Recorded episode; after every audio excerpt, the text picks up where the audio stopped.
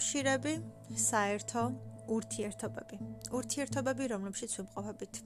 ცხოვრების მანძილზე უამრავ ადამიანს ხვდებით დაბადების წუთიდან იქამდე სანამ ვიცოცხლებთ და ვიცხოვრებთ, ძალიან ბევრ ადამიანთან გვიწევს ურთიერთობა. ზოგიერთ ადამიანთან უბრალოდ საერთო გვაქვს და ამ საერთოს ვპოულობთ. ხანდახან ვეძებთ, ხანდახან ვქმნით ჩვენ თავად და ზოგიერთ ადამიანთან უბრალოდ ვგრძნობთ კავშირს. ამ კავშირის ახსნა არის ძალიან რთული. და ამ ყოველფრის გადმოცემა ის თუ რას გრძნობ ის თუ როგორ განიცდი ის თუ რა შეიძლება რომ მიმდინარეობდეს ამ დროს შენში და როგორ და რანაირად შეიძლება გრძნობდე თავს და რას ნიშნავდეს საერთოდ ეს ყოველფერი ამის გადმოცემა ამის თქმა არის ძალიან ძალიან რთული და ალბათ ხანდახან შეუძლებელი. ან ყოველ შემთხვევაში ჩვენ გვეჩვენება, რომ ძალიან რთულია ვთქვათ და ბოლომდე გადმოვცეთ ის, რასაც ჩვენ რეალურად განვიცდით, ის, რასაც ჩვენ რეალურად ვგრძნობთ და რაც მიმდინარეობს ჩვენში. თუმცა არსებობს ურთიერთობები, როდესაც ჩვენ მეორე ადამიანს ვგრძნობთ და არ აქვს მნიშვნელობა ამ ადამიანს ვიცნობდით, არ ვიცნობდით, პირველად ვნახეთ. პირველივე შეხვედრის შემთხვევაში რაღაც განსაკუთრებულს, განსხვავებულს და გასაოცარს შევიგრძნობთ. ეს არის ემოციები და ეს არის გრძნობები, როდესაც ჩვენ ძალიან კარგად ვართ.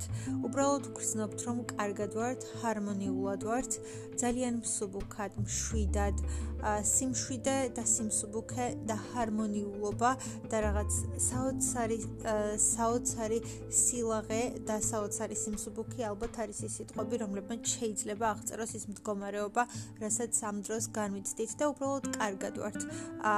მოდის იმის შეგ გახსნება რომ თითქოს გასაოცრად ხარ ძალიან ძალიან კარგად ხარ და თითქოს ხარ სახლში. თითქოს ხარ შინ და უბრალოდ ძალიან კარგად გრძნობ თავს და ეს ის არის ალბათ რასაც უნდა გრძნობდე უმეტეს ურთიერთობებში.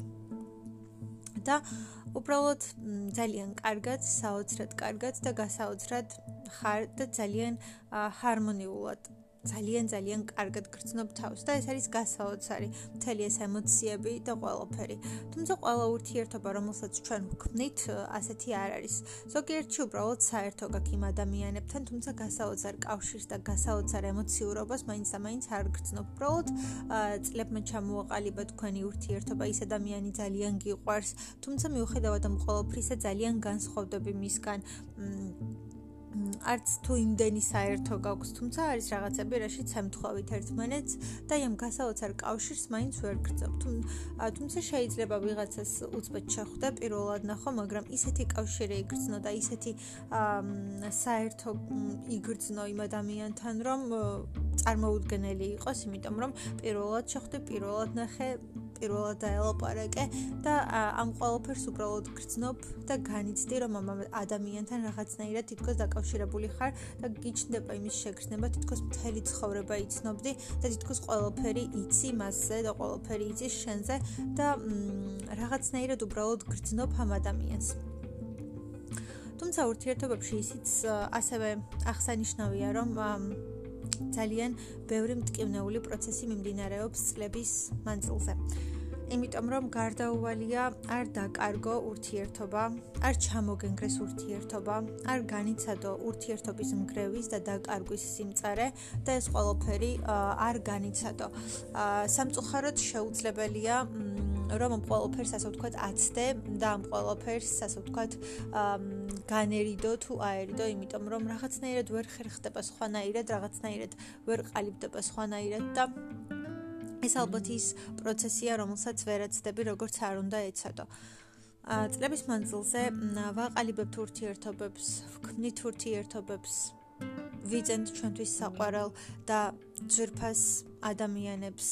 ამ შემდეგ წლები ამყარებს ამ ურთიერთობას, ის ადამიანები ძალიან ძვირფასი და მნიშვნელოვანი ხდებიან ჩვენთვის და ჩვენი ცხოვრებისთვის. ის ადამიანები ძალიან ძვირფასები არიან, ის ადამიანები ძალიან გვყვარს და წლების მანძილზე ეს ყველაფერი ხდება, ვითარდება.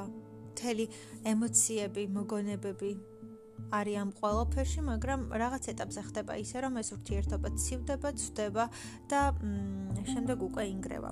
ეს არის ყველაზე დიდი დასავდიანი ნაწილი ურთიერთობების, ყველაზე მტკივნეულიც ასევე, როდესაც წლებით ნაშენები ურთიერთობა სადღაც ქრება და უბრალოდ ვეღარც კი იგებ, ვეღარც კი ხვდები და უბრალოდ ვეღარც ცნობ ამ ყველაფერს და ამ ყველაფერს კარგავ. ურთიერთობები არის ძალიან მტკივნეული და სევდიანი რამ და განსაკუთრებით აი ის ნაწილი, როდესაც ეს ყველაფერი სადღაც ქრება და უჩინარდება. მაგრამ ამას ალბათ იწვევს ის, რომ შენი განვითარება, მისი განვითარება, როდესაც ორი ადამიანი სხვადასხვა გზით და სხვადასხვა კუთხით ვითარდება და მათი საერთო ნელ-ნელა სადღაც იკარგება. ის სხვანაირად განვითარდა, შენ სხვანაირად განვითარდი, საერთო უკვე ძალიან ნაკლები არის. თითქმის ვეღარ პოულობ მასთან რაიმე საერთოს და ეს ყველაფერი სადღაც იკარგება, სადღაც მიდის და შემდეგ უკვე ძალიან რთული არის ამ ურთიერთობის ან შენარჩუნება ან აღდგენა.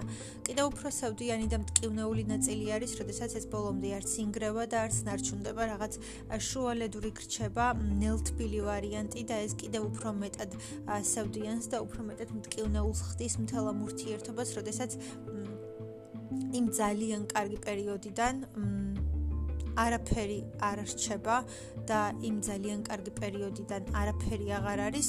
უბრალოდ არც ის გრჩება თითქოს არც ეს გრჩება არც განადგურებული და არც ესე დაშლილი და გაფანტული არის მთლიანად მაგრამ არც არაფერი დაგრჩა. განვითარება ნაკლებია და ეს ყველაფერი უბრალოდ არის სევდიანი და მტკივნეული ისტორია რომელსაც ვერც ელევი და ვერც ინარჩუნებ. თუმცა მე მაინც მგონია რომ ურთიერთობები უბრალოდ არის ძალიან ძალიან მტკივნეული რამ იმ პერიოდში, როდესაც ვითარდება და როდესაც თავის პიქს აღწევს, არის ყველაზე კარგი, ყველაზე ტკბილი და ყველაზე სასიამოვნო რამ, მაგრამ სამწუხარო ალბათ ის არის, რომ მწვერვალის მიღწევის შემდეგ ყოველთვის ამას მოსდევს დაშვება, იმიტომ რომ მეტი მწვერვალი ვეღარ იქნება. ყოველ შემთხვევაში ვეღარ იქნება რა უკვე ახვედი იმ წორვალზე და იმ წორვალზე აღმოჩნდი და შემდეგ ყოველთვის არის ვარდნა, იმიტომ რომ მუდამ წორვალზე ვერ გაჩერდები. და შესაბამისად ცოტათი მაინც რაღაცა თითქოს იკლებს. ალბათ ყველაზე ტკბილი მომენტი არის წორვალისკენ, როდესაც მიდიხარ და შემდეგ ის მომენტები, როდესაც იქ აღმოჩნდები. თუ რა თქმა უნდა, ამ ერთი წორვალის შემდეგ მეორე წორვალი არ გელოდება კიდევ და ეს სვლა და შემდეგ უკვე მიღწევა არის ყველაზე ტკბილი. თავარია რომ ერთი მწორალის შემდეგ კიდევ იყოს რამოდენიმე, სადაც ასევე მოგიწევს ასვლა და მიღწევა. ა მაგრამ თუ ეს სხვა აღარ გხდება, მაშინ ალბათ არის ვარდნა, იმიტომ რომ მუდამ იქ ვერ გაჩერდები და მწორვალის დაპყრობის, ნახვის და დაგემოვნების შემდეგ ყველაზე მტკივნეული და საუდიანი ისტორია არის ვარდნა და იცოდე რა არის ამ ყოველფრის პიკი და ის უკვე აღარ გქონდეს, აღარ გაგაჩნდეს და უბრალოდ სადღაც მიიკარგოს, გაიფანტოს და უბრალოდ აღარც კი არსებობდეს და დარჩეს მხოლოდ მოგონებებად. ურთიერთობები არის ძალიან საუდიანი, ძალიან მტკივნეული და ძალიან ჩახლართული რამ, რომელსაც ვერ გაიგებ. თუმცა ისიც ფაქტი არის, რომ ადამიანები სხვადასხვა კუთხით და გზით ვითარდებიან, სხვადასხვა გზაზე მიდიან და და კარგავენ იმ საერთოს რაც ოდესღაც გქონდათ. რომელიც ოდესღაც შექმნეს და რჩება მხოლოდ მოგონებები. მოგონებები ყოველფერზე რაც იყო და რაც აღარ არის და რაც ალბათ ვეღარ იქნება, ან აღარ იქნება. ამ კუთხით ურთიერთობები არის ძალიან ძალიან სევდიანი და მტკივნეული, თუმცა თავისი თავისი განვითარება, თავისი სიტკბო თავისი მწორვალი მას ყოველთვის გააჩნია და ყოველთვის აქვს და ეს ის მომენტია, რომელსაც უბრალოდ უნდა მიაღწიო, მიიღო, განიცადო და დატკბე. აა იმიტომ რომ ეს ყოველფერი შეიძლება აღარ ესროს განმეორდეს და თანაც ალბათ ურთიერთობები, რომლებიც ჩვენ ცხოვრებაში სრულდება, სამწუხაროდ თუ საბედნიეროდ მათ ამოწურეს თავის თავი და ეს უკვე ნიშნავს იმას, რომ შენ ამ ყოველფრიდან უნდა წამოხვიდე და უნდა ეძებო განვითარება, ახალი, სიახლე და უკეთესი. აა კიდევ უფრო მეტად რომ წინ წახვიდე, კიდევ უფრო მეტად რომ წინ წაიწიო და კიდევ უფრო უკეთესი ურთიერთობები, ან კიდევ უფრო უკეთესი რამ რომ შექმნა, იმიტომ რომ თუ რაღაცამ თავი ამოწურა, ესე იგი განვითარება აღარ არის და იქ განვითარება აღარ გელის. ისიც ფაქტი არის, რომ კომფორტის ზონაში განვითარება ნაკლებია. კომფორტის ზონიდან გამოხვიდე, რომ რაღაცას მიაღწიო, იმიტომ რომ ხშირ შემთხვევაში კომფორტის ზონაში ჩვენ უბრალოდ განცხრომაში ვართ და განვითარება წინსვლა ნაკლებია.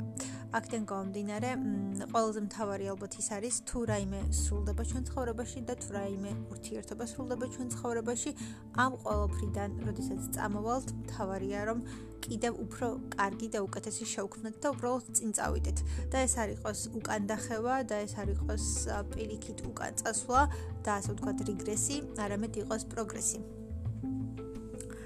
აა და იმასაც ვერ გავექცევით რომ ურთიერთობები მტკივნეულია, დასასრული ყოველთვის მტკივნეულია, მაგრამ დასასრული ყოველთვის დასასრულია და ამას უნდა შევეგუოთ.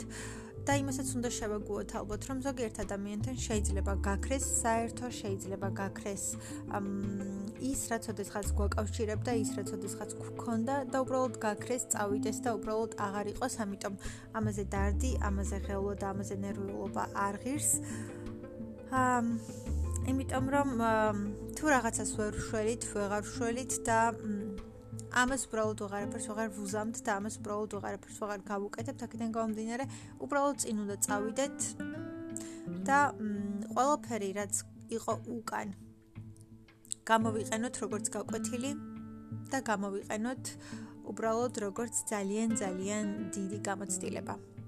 რაც შეეხება კავშირს რომელსაც ვგრძნობთ რომელსაც ვერაფერს ვერ უსამთ და რომელიც ურყევი და უცვლელია ჩვენ ცხოვრებაში ამ ეს ყველაფერი იქნება მეორე ნაწილში. კავშირები ჩვენ ცხოვრებაში. მაგრამ სანამ კავშირებზე გადავიდოდეთ, უბრალოდ მინდა ვილაპარაკო იმაზე, თუ რა არის საერთოს ქონა ადამიანთან, თუ რა არის ის, როდესაც ძალიან ბევრ ისტორიას ქმნი ადამიანთან და შემდეგ ამ ადამიანს კარგავ. ტკივნეული ისტორია, სევდიანი ისტორია და რაღაცის დასასრული, მაგრამ უნდა შეგვეძლოს იმის აღიარება, რომ რაღაც დასრულდა. თავარი არის ის, რომ ნებისმიერი ურთიერთობის და მოვლენის რაღაც ეტაპის დასრულების შემდეგ იმდენად არ დავეცეთ და იმდენად სულად არ ვიყოთ, რომ წინ ვერ წავიდეთ. აუცილებლად უნდა წავიდეთ წინ. შეიძლება იყოს სევდიანი მომენტები, სულად ყოფნა. ძალიან რთული პერიოდები, ცრემლებით, სულად ყოფნაც, ტკივილიც, მაგრამ ამ ყოველფრის გადალახვის შემდეგ აუცილებლად უნდა დავდგეთ ფეხზე და წავიდეთ წინ. უბრალოდ თავს არ უნდა მივცეთ იმის უფლება და იმის საშუალება, რომ სადღაც უკან დავიხიოთ და იმდენად უკან დავიხიოთ, რომ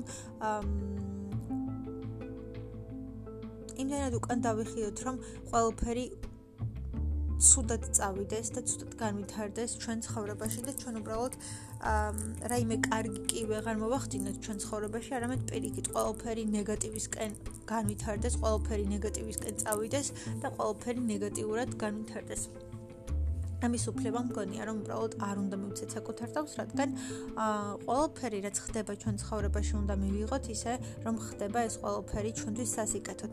ხდება მხოლოდ იმიტომ და ხდება მხოლოდ იმისთვის, რომ ჩვენ უკეთესები გავხდეთ, რომ ჩვენ განვითარდეთ, რომ ჩვენ ხვალინდელი დღე გვქონდეს ბევრად უფრო კარგი ვიდრე ეს იყო გუშინდელი დღე და ჩვენ უბრალოდ ვიყოთ უკეთესები ვიდრე ვიყავით აქამდე.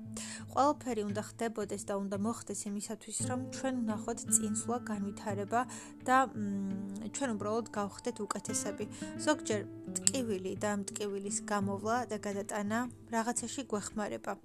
გვეხმარება და ეს ყველაფერი შემდეგ მთელი ეს ემოციები გადატანილი ამბავი მთელი ეს გრძნობები, რომელიც განვიცადეთ, გვეხმარება, რომ რაღაც შევქმნათ და რაღაც მნიშვნელოვანი შევქმნათ.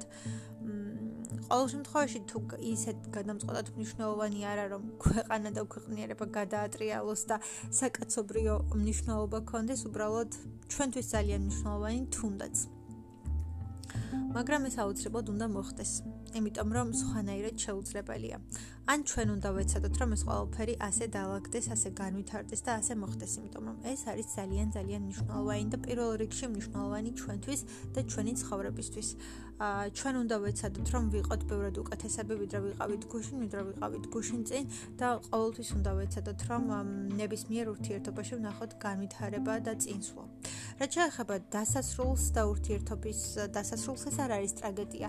ეს უბრალოდ უნდა მივიღოთ იმათ, რომ ორი ადამიანი ყოველთვის ვითარდება. ვითარდება და ეს განვითარება ადამიანში არასოდეს არ წყდება.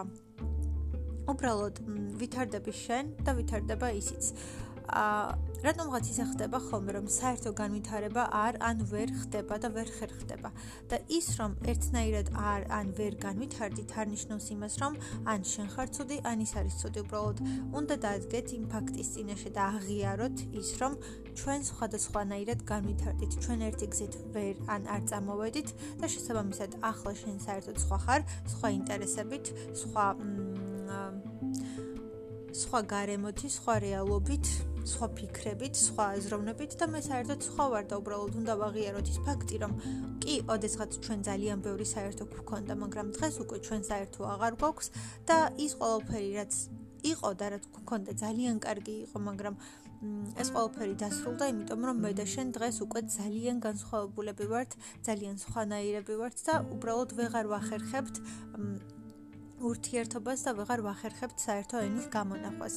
ის რომ ჩვენ ცხოვრებაში რომელიღაც ურთიერთობა სრულდება, ეს არ ნიშნავს იმას, რომ ჩვენ ცუდი ვართ, ან არც იმას არ ნიშნავს, რომ ჩვენ ცუდი მეგობარი ვართ, ან ან არც იმას ნიშნავს, რომ ჩვენ ცუდი მეგობრობა ვიცით და მეგობრობა არ შეგვიძლია, ან არ გამოგვდის, ან ვიღაცისთვის, ანუ ცუდი მეგობარი ვართ, ან ცუდად ვუდგავართ ვიღაცას გვერდით, ან ცუდ მეგობრობას ვუწევთ, ან ცუდი მსმენელი ვართ, ან ცუდი თანამდგომი ადამიანი ვართ, ან არ ვიცით მხარდაჭერა რა არის, ან არ ვიცით ნამდვილი მეგობრობა რა არის. უბრალოდ ურთიერთობები სრულდება და ვითარდება, რასაც ჩვენ წინ ვერ დავუდგებით და ადამიანები როგორ განვითარდებიან და რას იპოვიან, რას აღმოაჩენენ და რამდენად იპოვიან საერთოს, ეს არის მათი პირადი გადაწყვეტილება და მათი პირადი არის ვიღაცას ამ კუთხით უნდა რომ განვითარდეს, ვიღაცას იმ კუთხით უნდა რომ განვითარდეს და ვინ როგორ რა გზით და რანაირად და რა ხერხით განვითარდება, ეს არის მათზე დამოკიდებული. ჩვენ ვერავის ვერ დავაძალებთ, რომ გინდა თუ არა ამით უნდა დაინტერესდე, ეს უნდა მოგწონდეს, ეს უნდა გიყვარდეს, ეს უნდა გაინტერესებდეს და ამ კუთხით უნდა განვითარდე. აა ეს მათი არჩევანია, ისევე როგორც ჩვენ გვაქვს ჩვენი არჩევანი. და თუ რაღაცა მიდის დასასრულამდე და თუ რაღაცა სრულდება, ეს არის უბრალოდ იმის მიმანიშნებელი და იმის ნიშანი, რომ შენ სხვანაირად განვითარდი, ის სხვანაირად განვითარდა, საერთო ენა ვეღარ გამონახეთ, საერთო ინტერესები ვეღარ ჩამოაყალიბეთ და უბრალოდ მიხვედით იმ ეტაპამდე და იმ დასკვნამდე, რომ ეს ურთიერთობა დასრულდა ამ ურთიერთობამ. ამოწურა საკუთარი თავი და თქვენ უბრალოდ დღეს ხართ საერთოდ სხვა ადამიანები და აღარანაირი საერთო აღარ გაქვთ ერთმანეთთან და უბრალოდ დგებით ამ ყოველფრის წინაშე აღიარებთ ამ ყოველფერს და შემდეგ ორივე აგრძელებს თქვენ გზას. და ეს არ ნიშნავს იმას რომ ჩვენ ვართ ცუდები ან ისინი არიან ასე ვთქვათ ცუდები. რომ ჩვენ ცუდი ადამიანი ვართ ან ცუდი პიროვნება ვართ ან ურთიერთობებში ვართ ცუდი ან ურთიერთობები არ გამოგვდის. ურთიერთობებიც ისევე ვითარდება როგორც ჩვენ ვითარდებით და არაფერი არ რჩება ერთ მომენტში და ერთ ადგილას ყველაფერი მიდის, ყველაფერი წინ მიიწევს, ყველაფერი ვითარდება, ყველაფერი იცვლება დროში და ამას ვერაფერს ვერ ვუზამთ უბრალოდ. ალბათ ის არის ჩვენი გადასაწყვეტი და ჩვენი გადაწყვეტილება ერთნაირად განვითარდებით თუ არ განვითარდებით ერთნაირად. ერთნაირ ინტერესებს კიდევ გამოვნახავთ თუ არ გამოვნახავთ. სად გვინდა რომ გავჩერდეთ და სად გვინდა რომ შევწყვიტოთ ამ ურთიერთობაში სვლა და არის მომენტები, როდესაც ადამიანები წყვეტენ რომ მათ აღარ უნდათ და უბრალოდ ისინი მიდიან. და ეს არაფერს არ ნიშნავს იმაზე მეც, რომ უბრალოდ ისინი მიდიან და ჩვენც უნდა გავაგრძელოთ გზა, მათაც უნდა გააგრძელონ გზა და უბრალოდ დარჩეს მოგონებები და ძალიან ტკბილი მოგონებები და ის რაც ოდესღაც გქონდა საერთო, რა თქმა უნდა, ისიც რჩება ჩვენს წარსულში, ჩვენს ისტორიაში და ჩვენს მოგონებებში. ასე რომ კავშირები, რაც გქონდა და ის საერთო რაც გქონდა, ყოველთვის არის ძალიან ძლიერი და ის ყოველთვის რჩება და ამას ვერაფერს ვერ უზამთ.